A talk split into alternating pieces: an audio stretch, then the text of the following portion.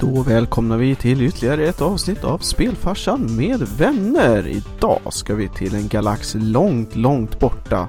Vi ska prata Star Wars, ända ifrån de klassiska SNES-titlarna till VR-upplevelserna som står på dagens agenda. Men vi börjar så som om det vore 1991 igen med att sparka igång med den klassiska SNES-titeln Super Star Wars. Om jag minns helt rätt. Eller vad säger du Peter? Du minns helt rätt. Mm. Och de var så coola. Det, det bara, jag minns det som om det vore igår. Nu låter det verkligen så här old timey. Yes, men det var verkligen, de låg lite före sin tid. För det kändes så, jag minns dem som extremt snygga. Ja, de var, det var ju pixel eh, artsgrafik på hög nivå, det var det ju. Och jag minns också att jag tyckte att kontrollerna var helt fantastiska. Vilket ju var nödvändigt för de var ju också väldigt svåra. Ja, de har ju varit kända för notoriskt svåra plattformslir eh, på riktigt så hög nivå. Så, så att eh, många, precis som till exempel Contra eller Probotector, såg kanske de tre, fyra första banorna men aldrig kom längre. Jag hade ju eh, mardrömmar om Sarlacc the Pitmonster. Mm -hmm. Det är en riktigt jobbig boss. Ja, det var fasen vad man fick slita för att ta sig förbi den. Mm.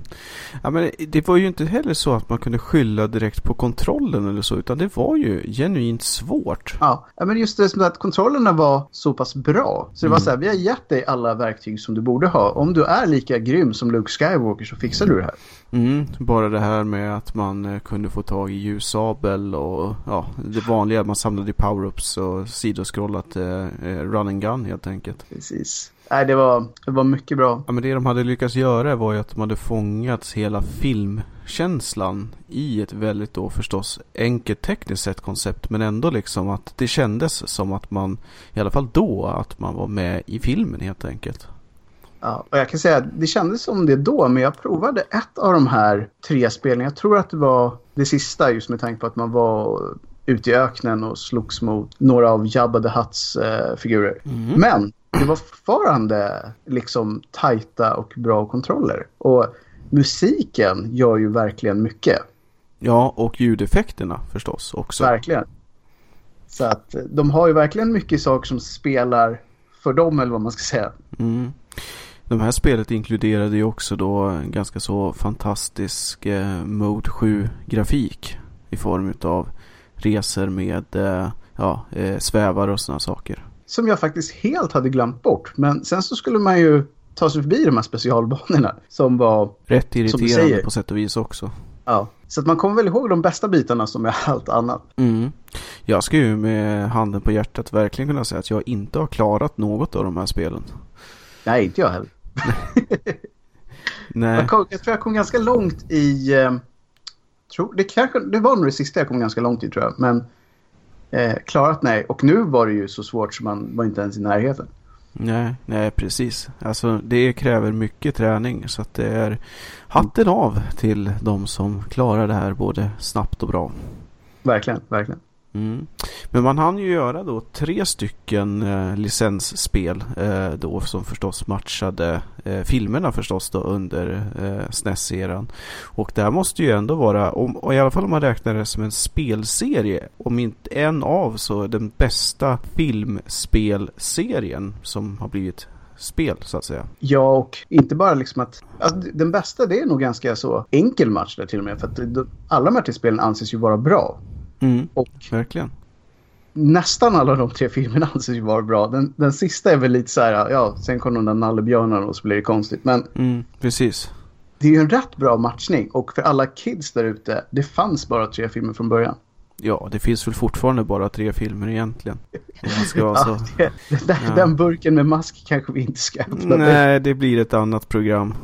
Precis. Där vi ska ta död på elaka varelser som har långa öron och långa tungor. Mm. Mm. Men det är som sagt annat program. Precis. Mm. Hur um, kom du i kontakt med spelet då? Var det um, något så här uh, recension i typ Nintendo magasinet eller var det bara på vinst och förlust från tv-spelsbörsen eller någonting i den stilen? Det var lite blandat. Alltså de man kände som eh, gillade plattformsspel mm skaffade ju de här spelen ganska så omgående som jag minns. För att man gillade ju Star Wars, även fast det här var... Alltså, vår generation var ju ändå för sent för att ha upplevt de här filmerna på bio. Ja, precis. Men det var, men det var ju fortfarande så pass liksom stort så att det fanns... Jag kommer ihåg att liksom äldre syskon hade mycket av de där leksakerna och det var ju liksom, som jag minns de här coola leksakerna som stod på en hylla som man inte fick röra till att börja med. Nej, precis. De var ju Eh. kultförklarade, eller är. Ja, precis. Och då var det liksom, redan där fanns det ju någonting att det här vill jag vara en del av. Så när det väl var så att man var gammal nog att faktiskt få tag i de här spelen och få spela dem på egen hand så var det ju nästan så att alla tog chansen liksom. Så jag tror att jag läste lite om det men sen så var det rätt många som, som införskaffade dem ganska snabbt och då kunde man ju tassa över och provspela. Ja, för min del så var det nog väl en liten kombo. Jag hade ingen vän som hade det utan det var ett eh, fynd på tv-spelsbörsen som lockade med en eh, trevlig kartong i princip. Ja, de hade fina kartonger. Mm. Något av de spelen som kanske inte riktigt är lika kända men som jag fastnade i det var eh, Gameboy-spelet Return of the Jedi. Ja. Som är så här eh, förvånansvärt bra. Alltså grejen jag har faktiskt aldrig sett det i verkliga livet. Jag vet att jag har sett någon video när de har gjort så här klassiska Star Wars-spel. Alltså typ radat upp en lista och pratat lite kort om det.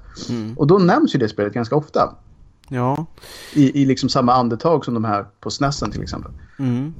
Ja men det är ju som en bantad version av SNESen förstås. Men det hade ju lite så här nästan lite Zelda-element. Alltså att du knatade runt på en karta och liksom gick in i grottor och liksom skulle hitta saker och sådär. Mm. Varifrån, vilken film var det från? Det är, finns två. Det finns både Star Wars som är ju på ja, det första, eh, första filmen då. Mm. Eh, och sen så är det eh, Return of the Jedi. Mm. Så det finns, eh, jag har bara spelat ett av dem. Jag kommer faktiskt inte ihåg riktigt vilket det var. Men jag tror det var Return of the Jedi. Ja, alltså just Gameboy-spel är ofta sådär som numera eh, lite fallit i glömska för att hela den handheld, eh, alltså den typen av konsoler när en handheld var lite sämre grafik och allt det det är ju nästan borta nu när alla de här som finns nu i, i stort sett på samma nivå som liksom konsolspel nästan. Ja, precis. Det, det är ju egentligen bara från Game Boy Advanced som man fortfarande tittar på spel i form när det är retrospel man pratar om. Mm. Oftast. Ja, verkligen. Nu är det ju bara en mindre skärm och snygg grafik ändå liksom. Mm. Jo, precis. Och sen har ju mobilen tagit över de handhållna spelen då, så att Just säga. det. Just det. Mm. Det var SNES och eh, den gamla goda tiden. Precis. Frågan om vi skulle... Vad sa du? Dö- Varför döper de alltid spelen till Super någonting? Varför måste det heta Super Star Wars? Ja, varför måste alla Nintendo 64-spel het- heta någonting med 64? I alla fall de första titlarna. Ja. Alltså antingen så trodde de på allvar att gamers var dumma i huvudet. Så här. Och det, det, det kan vara så. Det, jag säger inte att det inte är så. Eller så är det det här att det alltid låter bra om man har ett superlativ med. Mm. Men, i, men 64 är ju inget superlativ. Nej, men jag tänkte just på super. Ja, ja, jo, jo, men det kan jag köpa. Men 64 är ju mer i då du är dum i huvudet. Det här är till din konsol bara så du vet det. ja, men 64 är ju coolt.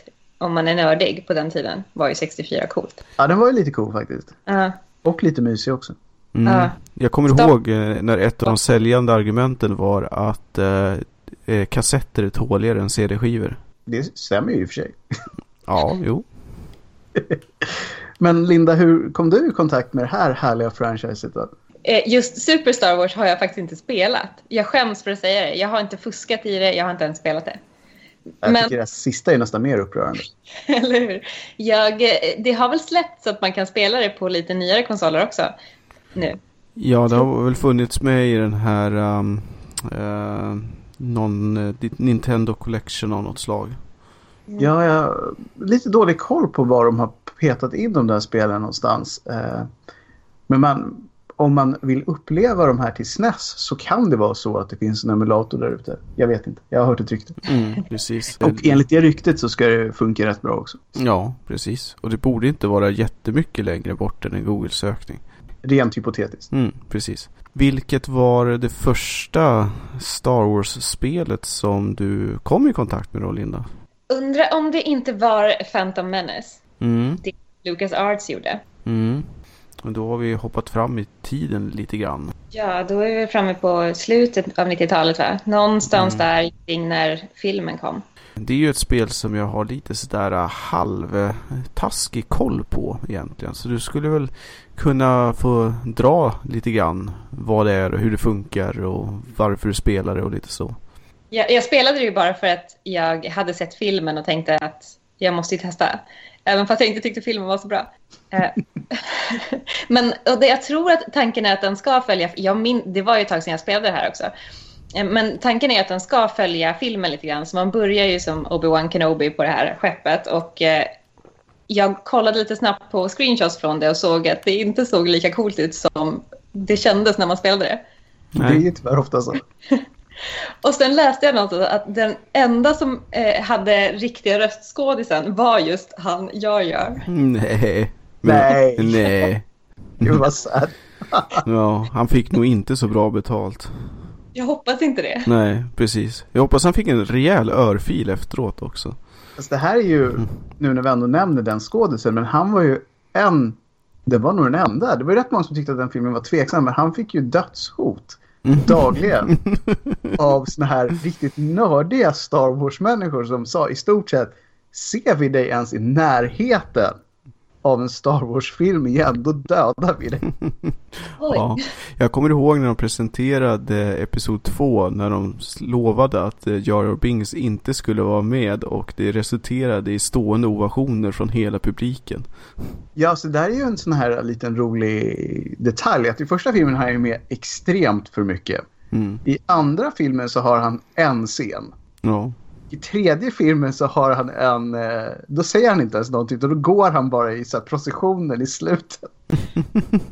Stackars den skådisen som bara yes, jag ska få vara med i en Star Wars-film och sen så gick det så här. Ja, så det är ju få karaktärer som har blivit så extremt hatade som Jar Jar Binks. Ja, men det blev för mycket ploj liksom. Det är väl det. Ja, så jag, om man ska vara så här de karaktärerna som var till för att vara humor i det franchiset var ju egentligen C3PO och R2D2. Ja, Chewbacca kanske på någon nivå. Ja. Jo, precis. Men han hade ändå ett big ass crossbow så han vägde upp det lite. Och så gormade han ordentligt också. Han, han hade mycket så... sånt. Precis. Men de hade ju väldigt så här, de där robotarna var lite småroliga men de var inte med så mycket egentligen. Och det var därför det funkar. Men när man har med en skojig liten groda som hoppar omkring och gör bort sig hela tiden. Ja. Ihop med en snorgärstig unge som inte gör det riktigt, men i alla fall då. Nej, men jag menar barnskådespelare är ju barnskådespelare. Så där kanske man inte kan förvänta sig att det blir så bra. Och kombinerar man då de två grejerna så får man The Phantom Menace. Oh, mm. Och till råga på allt så är ju Jar Jar Binks inte ens spelad av en människa utan det är ju helt dataanimerat. Så kan man ju inte skylla på det heller, att det var taskigt skådespeleri. Nej, det är sant. Mm. Men, men för att komma tillbaka till spelet. Var man olika personer alltså under det här spelet. Och för jag kan tänka mig om man skulle vara med överallt där det händer så kan man ju inte vara samma. Nej, precis. Man bytte ju person. Så man, först var man ju Obi-Wan och så blev man ju... Man tappade alltid bort dem som man hängde med. Så att man var tvungen att hitta dem igen. Det var liksom... Det hände hela tiden. Det är okay. en klassiker. Ja, det var jättejobbigt. Och så kom jag ihåg att det var någon drottning som, som man skulle ha med sig. För hon blev, bort, hon blev också särad från sin grupp som hon skulle gå med egentligen. Och då skulle man springa runt med henne och, och, och eh, föra tillbaka henne till den här gruppen. Och hon var så himla snobbig. Så jag störde mig så himla mycket på det. Hon var alltså du trampar på min klänning och sådana saker. Och då ska man säga så här, and you like it för jag räddar dig nu. Ja, mm. precis. Det, kunde, det, var inte ett val man hade, utan det var bara okay. så här, sorry, nu fortsätter vi gå. Mm. Ja, jag minns verkligen hur överlastad den karaktären var i den filmen. Det var ju så här 15 kilo smink och 16 kvadratmeter tyg. Ja. ja. En stor svart blob såg hon ut som mest. Jag antar att det skulle vara någon sorts eh, hommage till eh, 16-1700-talets eh, liksom eh, stora peruker och väldigt överdrivet mycket smink och sådär. Men det blev ju nästan bara fånigt. Ja, ja alltså jag tror att jag för mig, vem var det som spelade henne? Var det Portman? Natalie Portman? Mm, precis. Jag för mig att hon sa att det var ett helvete att liksom dyka upp varje dag och bli utstyrslad med allt det där. För det var ju liksom ett jätteprojekt. Och det kan man ju nästan förstå när man ser de där äh, bilderna. Ja, verkligen. Det påminner ju lite grann om i eh, Sagan om ringen när de spenderade två timmar om dagen på att bara ta på sig de här eh, fötterna till eh, ja, på olika sätt. Precis. Där har vi ändå skillnad att de blev ett gäng mysiga hobbitar Mm, efteråt. precis. Inte en så här dryg drottning som klagar på att bli räddad. Nej, Som i det här precis. spelet Eller som Gimli som var allergisk mot skägget han var tvungen att ta på sig. John Rhys Davis fick fasta ut med mycket i den filmen. Ja. Men det här spelet, var det ett äventyrsspel eller var det typ ett rollspel eller var det ett actionspel? Ja, det var, var inte det lite av allt möjligt? För det var ju vissa så här plattformspusselinslag tyckte jag ganska mycket. Mhm. Om jag minns rätt. Mm. Eh, för man skulle ju flytta på klossar. Jag kommer ihåg någonstans när de, var, när, när eh, de sa åt, om det var Obi man var då, eh, Mm. flytta på den här loggen. Och det var ju så en stor fyrkant bara, så det var inte alls någon logg. Så, vad är det man säger? Man måste ha fantasi när man spelar. Ja, vilket man ju har. Men jag tror att det här spelet, för jag spelar ju på eh, Playstation. Mm.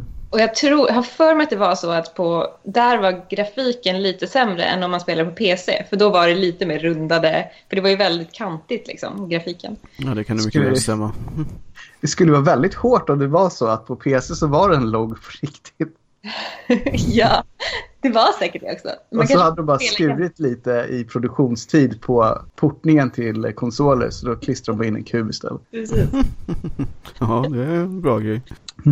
Ja, nej, det är ett spel som jag faktiskt missade helt och hållet ska jag väl erkänna. Även fast jag hade på känn att de säkert släppte en väldans massa spel när de kom ut med de tre nyare filmerna. Det hade ju varit konstigt annars.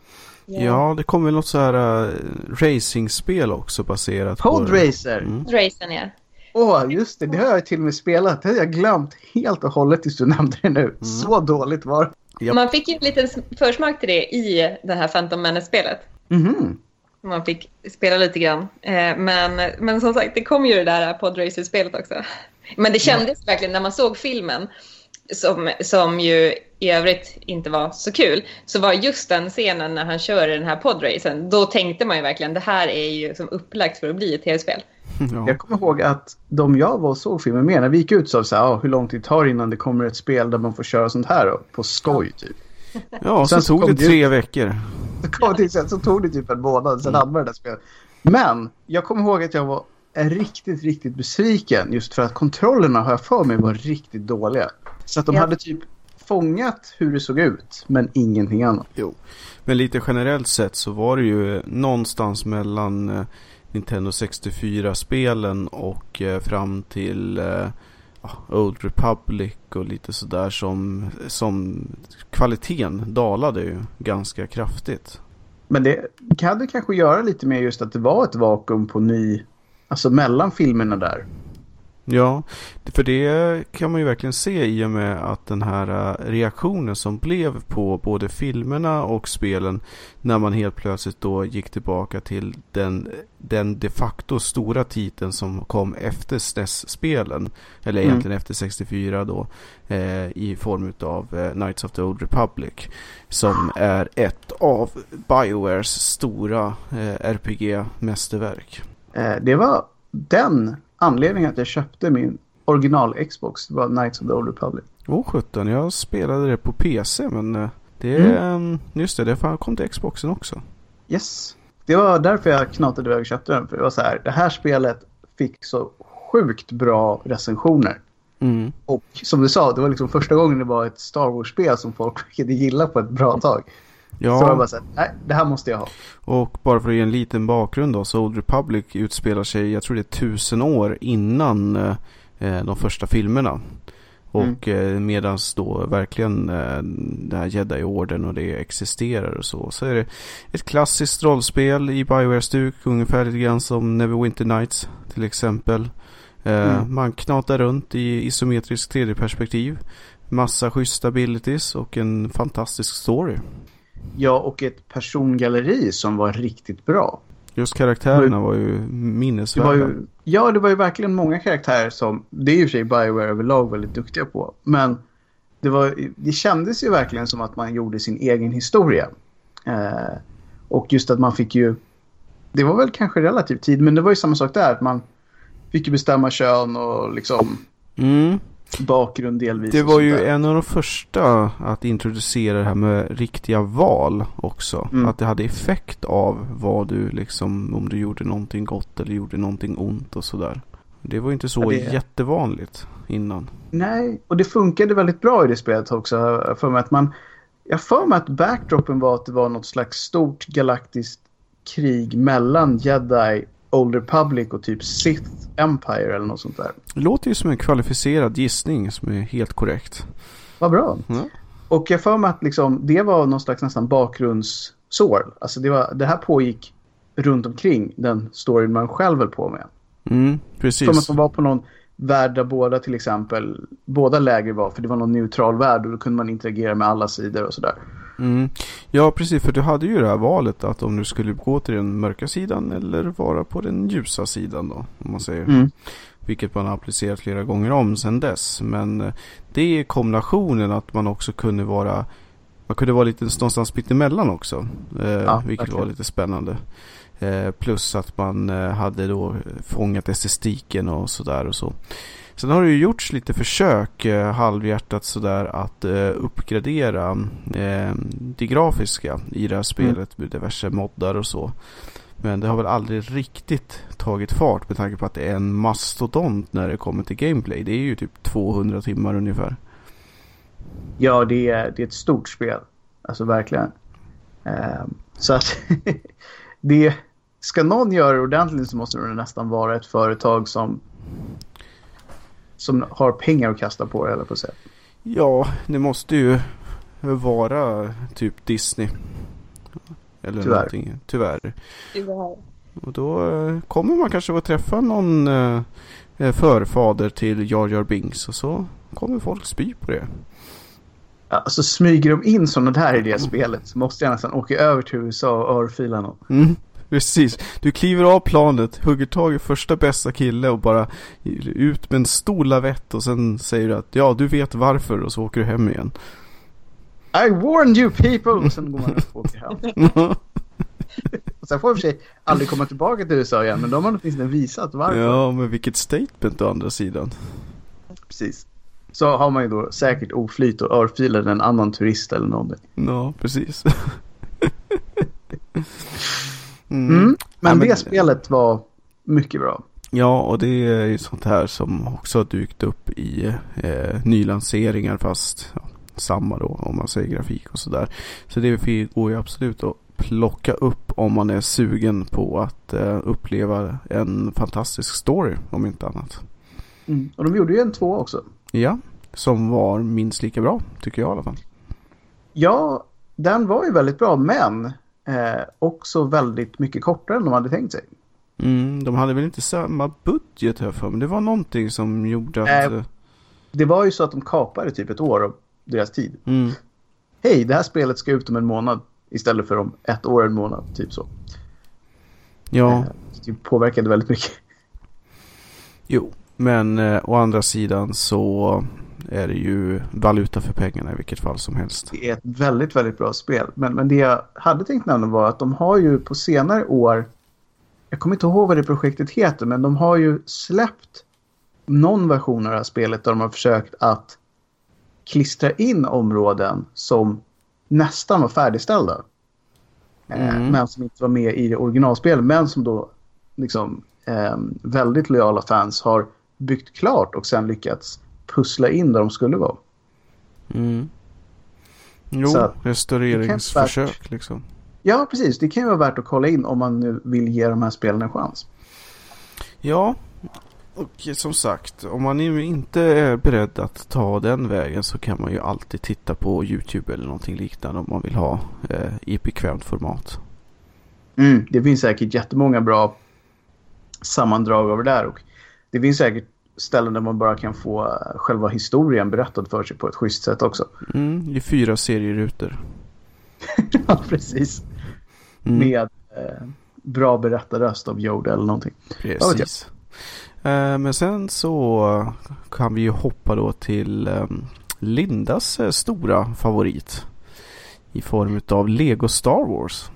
Ja, gud vad jag älskade det här spelet. Det var ju helt fantastiskt. Det var så roligt. Och det var, in, det var inget svårt spel. Det är väl som legospel i övrigt är. De är ganska lätta. Man kan ju inte riktigt dö och fienderna har ju inget bra sätt att egentligen försvara sig på. Eller man dör ju men man, man återuppstår ju ganska omgående. Så men, vad är tjusningen eller utmaningen i det hela då? Det är jättefint och det, det är jätteroligt. Och man har kul hela tiden när man spelar det. Förutom de, när man måste, för man måste ju gå, eller för den som jag spelade var ju den som heter Complete Saga. Och den innehåller ju också de tre eh, första filmerna. Mm. Eller de tre sista filmerna. Eller mm. de tre dåliga filmerna. Ja. Kronologiskt första filmen men de riktigt inspelade tre sista filmerna. Just, ja, om man nu bortser från... Eh, eh, den som kom förra året. Ja. Eh, så de måste man också spela sig igenom och det är inte lika kul för att jag har, jag har bara sett första filmen, jag har inte sett de två andra faktiskt. Eh, så att det var lite konstigt när man spelade igenom just de två filmerna för då hade jag ingen aning om vad som hände egentligen. Men sen kom man ju då till fyran och då var det ju helt fantastiskt. Men det är ju jättekul, man, man, går ju, alltså, man kan ju spela i två modes. Dels i story mode eh, då man verkligen spelar igenom hela filmen med exakt den karaktären som det är tänkt att man ska spela. Mm. Och sen, sen ju mer spelet går så låser man ju upp free play och då kan man göra en massa andra saker och byta karaktär och sådär och hitta hur mycket saker som helst. Och, och man kan ju slå sönder det mesta för allting är ju i lego och det är ju jättekul. Mm. alltså jag tror dessutom att, okej okay, inte det spelet som vi pratar om här eftersom det är en sammanslagning av flera Lego Star Wars-spel som blev det här Ultimate. Men annars så tror jag att Lego Star Wars-spelen var de första Lego-spelen. Yeah. Det var där hela den franchise-grejen började. Det passar ju så bra på något vis. Ja, och vilket franchise att börja med. Det är verkligen något som alla kände till. Ja. Eh, och jag kan bara hålla med om det du säger. Jag skaffade det här spelet ganska tidigt till 360. Och jag vet inte hur många timmar jag fick ut av det. Eh, just med tanke på att det är kul att bara springa omkring. Man kan ju spela flera personer, eh, kan vara värt att säga till. Eh, både lokalt och då över Xbox Live till exempel. Jag antar att det var samma sak om man körde på Playstation och så vidare. Inte på Wii dock. Nej, det kanske inte var. Men det som var roligt där, det kunde ju vara så att man bara tyckte det var kul att knuffa varandra över kanten på olika ställen och sådär. Det var ju ja. väldigt, väldigt mycket humor i de här spelen till att börja med. Jag vet inte riktigt hur det är nu på senare år, för nu har de ju gått ifrån rätt många av de grejerna som var i de tidiga Lego-spelen. Eh, det vill säga att i de här första spelen så pratade de ju aldrig. Utan då var det bara så här typ roliga ljud. Ja. Och eh, väldigt så här överspelade ansiktsuttryck och massa sådana grejer. Eh, och det tror jag de delvis har gått ifrån. Men där hade de ju blandat de riktiga händelserna med rätt schysst humor. Ja, ja verkligen. Man kunde ju hitta så stormtroopers som badade badkar tillsammans och sånt där. Ja, det kommer jag ihåg. Man öppnade en dörr av misstag så satt de typ och bastade inne i ett rum. Ja. Eh, och dessutom hade de ju rätt mycket skön humor. För jag vet att om man till exempel um, spelade som gamla Obi-Wan Kenobi på uh, den banan där man flyr från dödsstjärnan.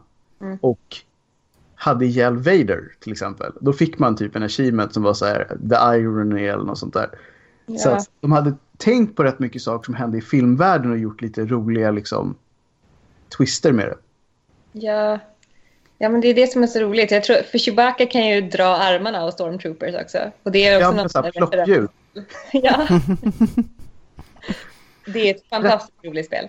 Rätt mig om jag har fel, men jag får att man kunde ta sig in med Chewbacca genom sådana här vissa dörrar där man var tvungen att vara en viss typ av um, typ Stormtrooper eller Bounty Hunter genom att sätta en hjälm ovanpå hans huvud. Ja, det kunde man göra. För hans huvud var så stort så han kunde inte ha den på huvudet utan han la den ovanpå huvudet och kom in i alla fall. Ja, ja men det var jättemycket sådana saker tillförde också väldigt mycket till känslan av att det var fantastiskt att springa runt i den där världen. Ja men verkligen.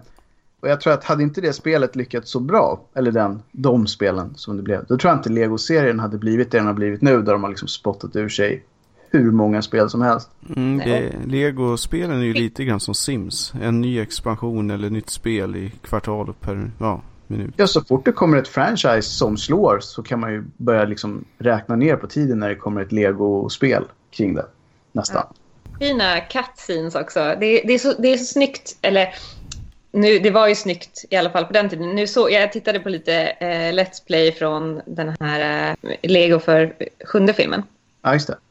Och det är ju väldigt mycket snyggare såklart. Men, men då tyckte jag i alla fall det var, det var så fint för man såg verkligen hur det var, allting var ihopbyggt av lego i alla cutscenes. Mm. Det var ja, underbart. Jag kan tycka att de har förlorat lite av det de här senare. För att numera så är det ju så att det är så snyggt så att det ser inte ut som lego längre. Riktigt. Nej, precis. Det är inte, den skärmen finns inte kvar riktigt. Eh, för jag menar, där från början så var det ju liksom väldigt medvetet att det skulle se ut som någonting du skulle kunna bygga av lego. Ja, ja men exakt. Liksom det som var skärmen på något sätt. Tyckte jag i alla fall. Mm, jag håller med. Och, och, och sen var det roligt när man spelade tillsammans. Man fick ju aldrig springa för långt ifrån varandra. Man var ju tvungen att ungefär gå i samma takt hela tiden. Jag vet inte hur många gånger jag skrek nu dödade du mig igen. För att Exakt. de sprang iväg. Ja, jag också.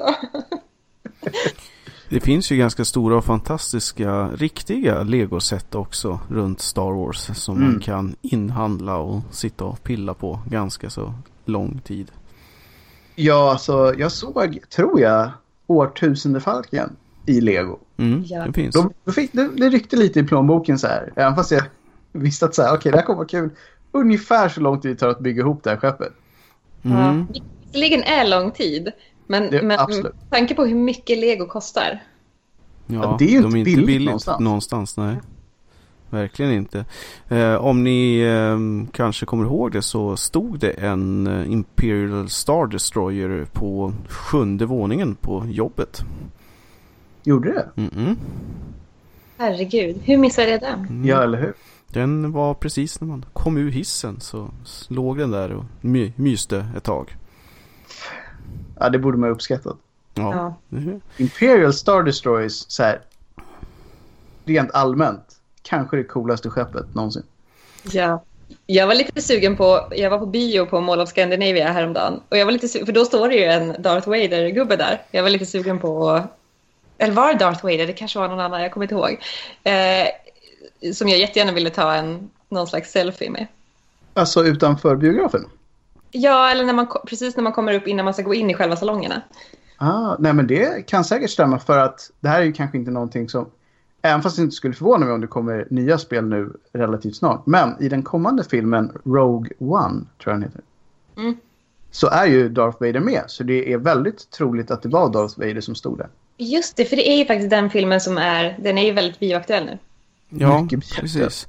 Där, eh, som jag förstår på trailers och så vidare, att det ska ju vara det som leder fram till att eh, rebellerna har kartan till dödsstjärnan i episod 6. Eh, nej, det är i... Eh, Eller episod 4 kanske. Ja, mm. just, det. just det, de spränger den två gånger. Precis, nästan tre gånger om man räknar med förra årets Ja, just det. Så att... Eh, Eh, jo, nej, men så är det ju absolut. Och då har de ju då såklart insett att här kan man ju smyga in Darth Vader eftersom han inte har hunnit dö än. Och Darth Vader säljer som aldrig förr. Mm, precis, aldrig har en person med astma varit så känd. Mm. Och så vidare. Mm. Men jag måste säga att Darth Vader var ju så mycket coolare innan man såg hans angstiga teen years i de här tidigare filmerna. Eller hur? Förstörde hela myten. ja, nu så tänker man ju bara på uh, hur otroligt flamsig och tramsig han var som innan så han var Hayden Christensen, eller vad han hette, Christ jo, Hayden Christensen tror jag han hette, var ju så dålig. Det här är högst personligt. Men, mm. och det kändes verkligen som en tonåring som hade rants och tantrums om grejer. Fast samtidigt om man tittar på den mesta klassiska fantasy överlag så är det ju just den där typen av personer som sen utvecklas till att bli den här um, stora bad guyen eller den goda mm. snubben eller så. Absolut, men just man tänker på den första scenen med Darth Vader i A New Hope. Han kommer in i ett skepp och bara force-chokar snubbar åt höger och vänster och är bara riktigt badass. Mm, det är precis så, här, så, man vill ha dem. Den här killen äter ju spik till frukost tänkte man och bara så här wow. Och sen så såg man honom flyga en podracer. Som femåring och hänga med Jar Jar. Då blir det bara så här. nej. nej. alltså, nej, nu, nu var du inte så cool längre. Nej, Sen men... hjälpte det inte heller att de klippte in världens mest dramatiska no i den tredje av de nya filmerna när han har insett att eh, Padme är död fast hon inte var det. Och han bara sträcker sig mot skyn och skriker no i två och en halv timme. Vilken scen. Ja, den är... Det finns säkert emojis den är så fruktansvärt dålig. Ja, men det är så överspelat. Alltså Mm. det känns inte äkta för fem öre liksom. Och det här har ju ingenting med spelen att göra, men jag upptäckte förra året att de har klippt in samma No i den klassiska Return of the Jedi. När eh, han blir god igen och slänger kejsaren över eh, räcket.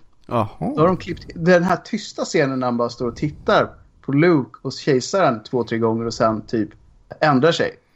Den var ju helt tyst i originalfilmerna. Men här har de nu klippt in samma utdragna No. Ja, de tyckte det var så bra så att de återanvände det. Ja, och förstörde hela den scenen också. Då kände jag så här, ah, okej. Mm. You killed it. You killed it for me. Jo, men det är som ni vet, det är därför man inte delar sommarstuga med eh, Darth Vader. För att eh, när man får telefonräkningen när han har ringt till en galax långt, långt borta, då blir man inte så jäkla nöjd alltså. Nej, och där kan man inte säga något, för han force-chokar den bara. Precis. Mm, Så, mm, häng Men, inte med Darth eh, Vader. nej, precis. Eh, det finns ju fler spel förstås då än Lego Star Wars och eh, det finns väldigt, väldigt många spel ska man säga då. Men ett av de spelen som eh, fick väldigt mycket uppmärksamhet eh, på senare tid eh, har ju varit de här MMO-spelen som man tryckte ur sig. Det första var väl lite sådär. Man eh, släppte ju Star Wars Galaxies som Mm. fick väldigt bra eh, kritik och var ett bra spel. Tyvärr förstörde man det med en expansion när man liksom gjorde om det och liksom ingen tyckte om det längre. Men eh, det som de flesta reflekterar till är ju eh, SWATor då eller eh, alltså Old Republic fast Star Wars online Mm. eh, varianten då. Eh, som gick ut med gigantisk marknadsföring och eh, fick väldigt, väldigt många spelare från dag ett. Mm. Det här är ett spel som jag har lagt ganska många timmar på medan det fortfarande var en hype då. Var det Bioware som gjorde det? Mm, precis. Och eh, det som var specifikt eller speciellt med det MMOet jämfört med till exempel World of Warcraft eller eh, något tidigare spel då, som eh, var i ungefär samma tid. Det var ju att det var väldigt filmiskt för att vara ett MMO och att man hade väldigt mycket eh, voice eh, coverage. Mhm. Så att det kändes ju mer som single player-uppdrag än eh, på någon nivå än klassiska dunka 10 kaniner. Även om det egentligen var så att det var fortfarande dunka 10 kaniner. Det var bara det att det var paketerat på ett mycket snyggare sätt. Och det har vi ju sagt förut att så länge de får en att tro att det är något annat så funkar det ganska bra. Mm. Och eh, så hade man ett väldigt trevligt eh, klass och eh, skillträd och man hade då en väldigt bra eh, Överlag så var det väldigt genomtänkt. Det som spelet föll på det var ju det att de fick ut endgame content alldeles, alldeles för segt. För att gissningsvis var det så att tack vare eller tyvärr i och med den höga produktionskvaliteten så um, fallerar man i att man klarar inte av helt enkelt att leverera content i den takt som behövdes. Vilket gjorde att eh, de spelarna som verkligen skulle vara fans och bärare, de tröttnade ju. För det fanns inget content kvar. Nej, jag vet att det, det stod ganska mycket om att världen kändes tom snabbt. Mm. För att man hade, de hade något område som folk var väldigt nöjda med. Men sen när man skulle fortsätta så, så var det rätt. Ja, öde. nej men alltså de satte ju ribban så fruktansvärt högt från start. Mm. Eh, så jag tror att det var väldigt svårt att hålla den, den kvaliteten på det. Men å andra sidan, de timmar som det tog att bli level 50 var ju å andra sidan väldigt roliga. Då kunde man ju också då välja också förstås om man var på rebellerna eller om man var på imperiets sida och man hade Man kunde ju då vara allt möjligt från eh, prisjägare till eh, jedi till ja, så vidare och så vidare och så vidare. När exakt i tidslinjen utspelar sig det här spelet egentligen? Mm, det är ju precis som uh, Old Republic att det är innan allt annat har hänt i alla fall. Så att det har ju ingen... Den, äh, äh, eller hur sjutton var det det var?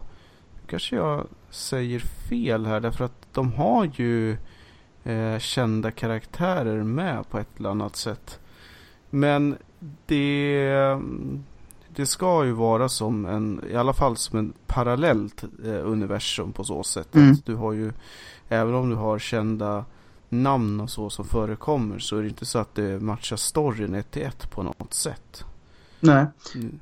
Jag har för mig att var det det spelet som hade väldigt snygga cutscenes? Ja, det var det. Mm. För att det, det jag minns det. att jag såg några som kändes som typ det här är en CGI-film liksom.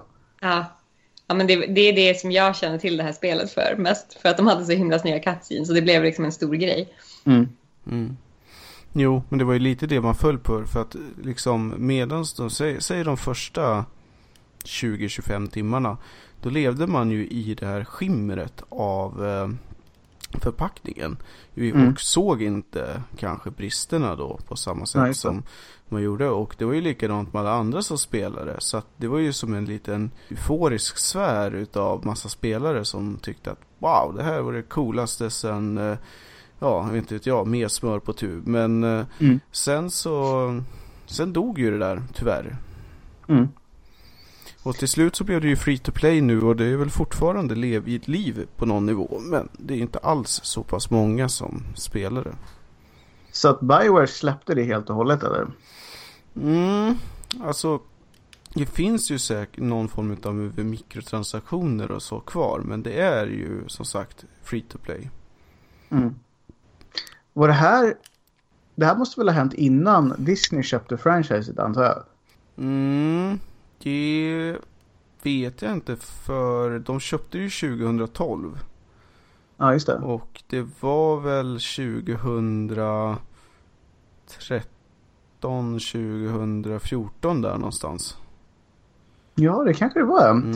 För jag tänkte annars så um, känns det som att Disney verkligen har maxat liksom alla möjligheter att tjäna pengar på det sen de köpte det. Men i så fall så måste det här vara ett ganska stort misslyckande. Fast det här var väl Lucas Arts också, eller? Nej, alltså det här var ju, det var ju EA som var inblandade i det här på någon, på någon nivå. Eller hur det var. Alltså det var ju, det var inte Lucas Arts i alla fall. Utan, eh, jo så här var det. Bioware stod för produktionen. Och mm. sen så var det EA som var eh, utgivare.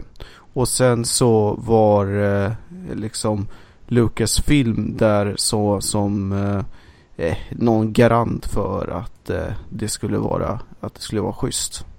Mm. det är ju rätt många spelare med där. Ja. Frågan är ju om det här var något som hade satts i rullning redan innan Disney kom in då med tanke på att de inte känns som någon av de stora parterna här. Ja, det kan de ju. Det, det tror jag säkert. Eh, det måste ju ha påbörjats eh, tidigare. Nej, du, mm. du hade faktiskt rätt. 2011. Mm. Så det är innan Disney alltså? Mm, precis. Jag tänkte annars så känns det som att det här är inte någonting som de skulle släppt ifrån sig utan vidare. När man mm. köper ett franchise för ett par, par heta miljarder dollar liksom. Nej, tiden går fort. Man ja, eh, kändes som, i och med, med tanke på hur pass snyggt det var inom situationstecken så kändes det som det var betydligt nyare. Men det säger ju en del om produktionskostnaderna i så fall. Mm. Absolut. Borde tagit ett tag att utveckla det också. Jo, mm. det gjorde det säkert. Men vad, vad tror du då rent så här? Kommer Disney göra ett nytt försök med något sånt här tror du? Ja, det eh, ryktas ju lite grann om att eh, man var på väg att återuppliva 1313 som de la ner och lite sådär. Så det är väl inte helt omöjligt men jag tror ju att de som gör spel med Star Wars-franchiset förutom eh, Lego det är ju DICE som kör det nu.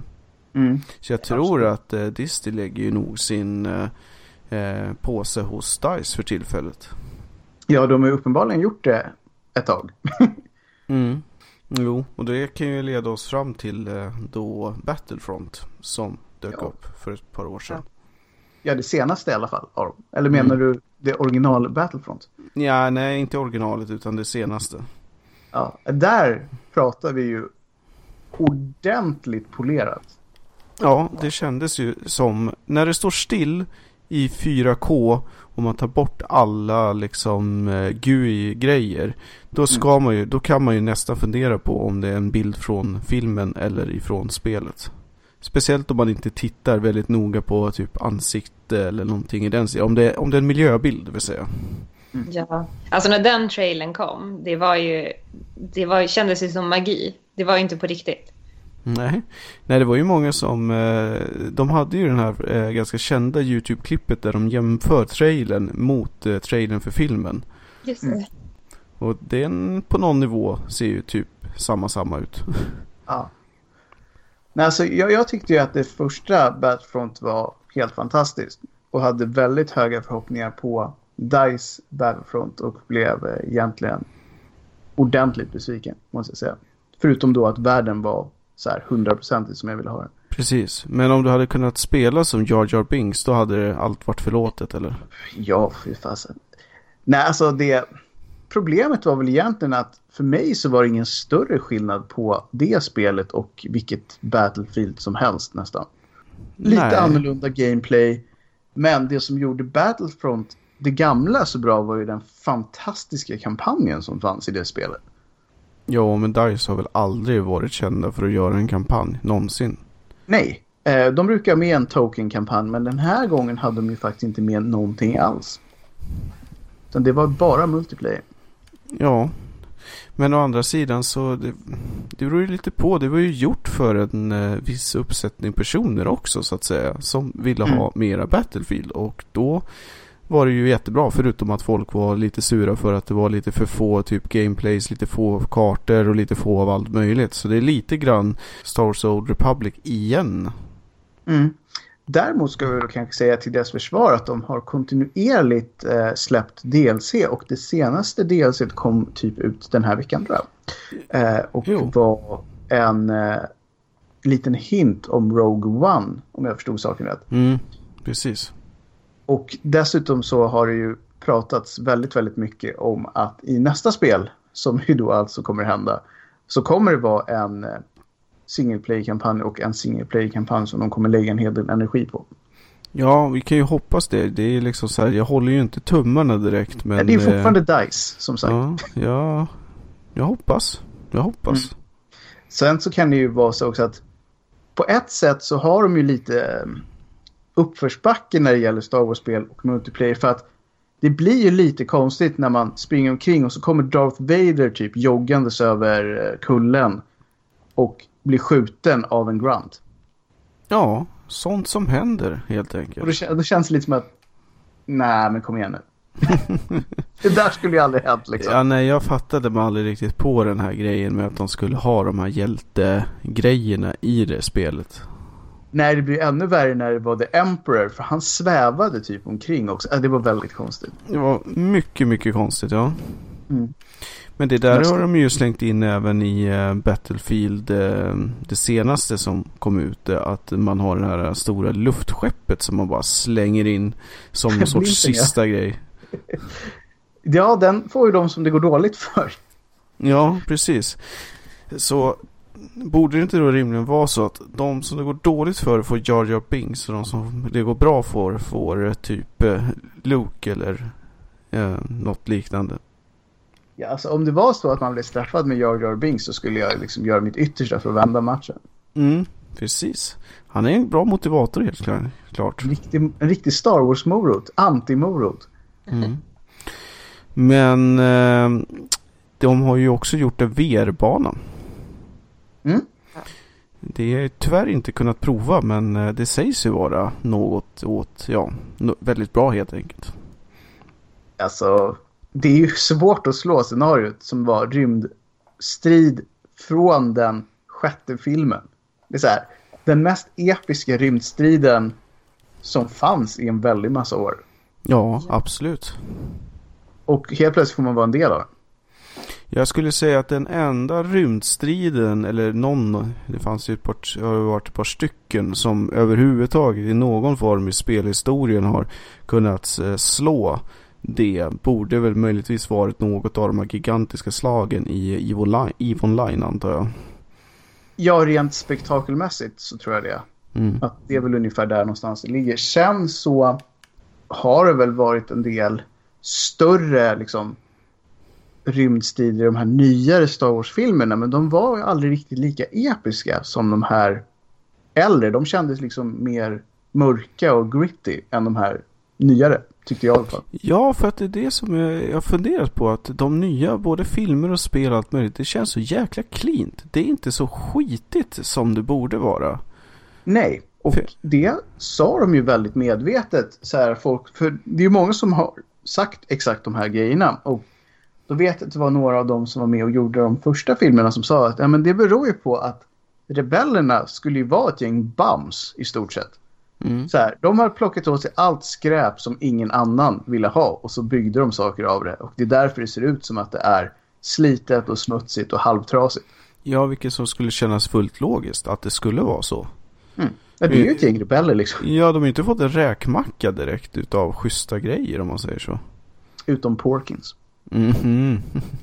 Han har nog ätit både en och annan räkmacka. Ja, glida in på en räkmacka. Precis. Nej, alltså så det hade de ju verkligen fångat. Och det var väl lite det de sa att de ville få in i eh, senaste filmen. Även mm. om jag inte tyckte att de lyckades så bra med det där heller. Den blev ju mer brutalare eller vad man ska säga. Men den kändes inte sådär gritty tycker jag. Jag tyckte den kändes så himla mycket upprepning om man ska vara riktigt ärlig.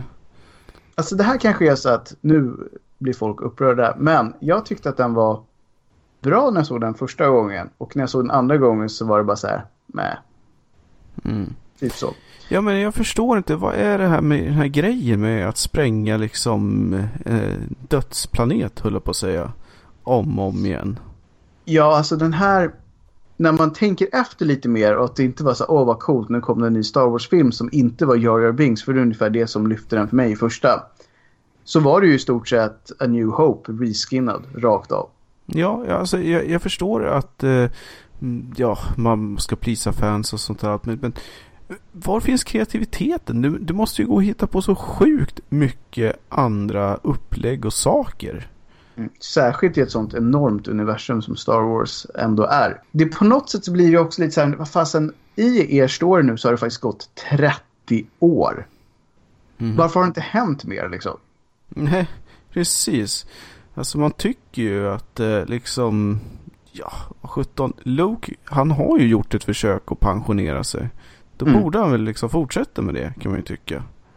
Ja, nej, alltså det, det var väldigt mycket saker som jag tyckte var så här att här hade ni absolut kunnat ta ut svängarna och sen är det ju många som sa att Jo, jo, men vänta till nästa film. För nu var de tvungna att liksom göra fanservice till alla för att få med sig alla igen och liksom hela den här grejen. Så att jag kommer väl ge dem någon chans till tror jag. Men, men om de fortsätter med genuin fanservice som det nästan var i den första. Så kommer jag nog tappa intresset tror jag. Mm. Nej, annars skulle jag vilja se en fortsättning av den här, eh, apropå Lego då, den här fantastiska eh, Lego-filmen där man har animerat med riktigt Lego då som handlar om eh, Darth Vaders försök att eh, beställa i kantinen på, i dödsplaneten. Där, det är inte lätt. Nej, för han, han som ska servera honom eh, funderar ju på att, eh, att hans chef ska heta Jeff Wader eller vad han nu kommer fram till. Are you Jeff Wader? Han lägger sig så den där. Mm, jag skulle vilja mm. se någon så här fortsättning på det. När liksom... Eh, to be continued. Ja, inte vet jag. Nu går det strejk och... Eh, se vad som händer när inte Darth Vader får sitt morgonkaffe och sådana saker. Ja, precis. Ja, men vad ska man säga egentligen? Det är så här, Disney har nu Star Wars-franchise på gott och ont.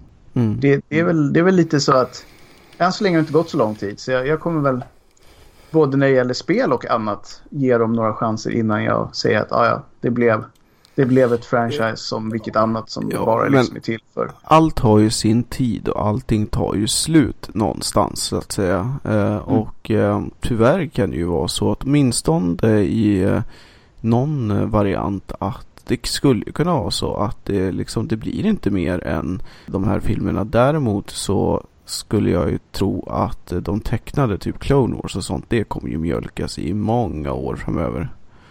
Ja, det tror jag också. Men, men de har ju redan planerat in två fulla trilogier till med spelfilmer. Mm. Äh, så kul och, för dem då, på säga. och även då de här, som den här första som kommer nu den här julen. Har de ju också tänkt att det ska vara sån här... Uh, varje Killers. mellanår ska det ju vara en sån här uh, Star Wars story-film. Så de, de vill ju bli nya Marvel egentligen. Ja, det skulle gå intressant att veta vad deras totala budget är för att spela in de här filmerna. Alltså det är ju Disney så de har ju mer pengar än alla andra. Ja, men de har ju verkligen en kassabinge på riktigt. de har ju ändå Joakim von Anka i sitt stall liksom. Precis. Så de skulle ju fysiskt kunna bygga hans binge och sen försöka svandyka ner i den. Ja, ja, precis. Och som ni som har sett Family Guy så ska man inte prova det på riktigt. Nej, det såg ut att göra väldigt, väldigt, väldigt ont. Benpiporna bara sticker ut. Och, det är en obehaglig bild. Ja, precis. Allt såg så bra ut tills han träffade metallen liksom. Men då menar ni att Family Guy är mer på riktigt än uh, Joakim von Anka? Mm, nej, Joakim von Anka är mycket mer på riktigt än vad Family Guy är. Vi säger så här, Joakim von Anka vet hur man dyker i mynt. Exakt. Peter Griffin gjorde inte det. Nej, precis. Han bara... Han, han körde magplasket liksom. ja, det är ett fantastiskt avsnitt. Men ja.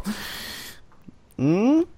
Då börjar vi närma oss slutet då utav eh, kvällens sittning och eh, har ni någonting mer ni vill addera innan vi lämnar galaxen där långt, långt borta?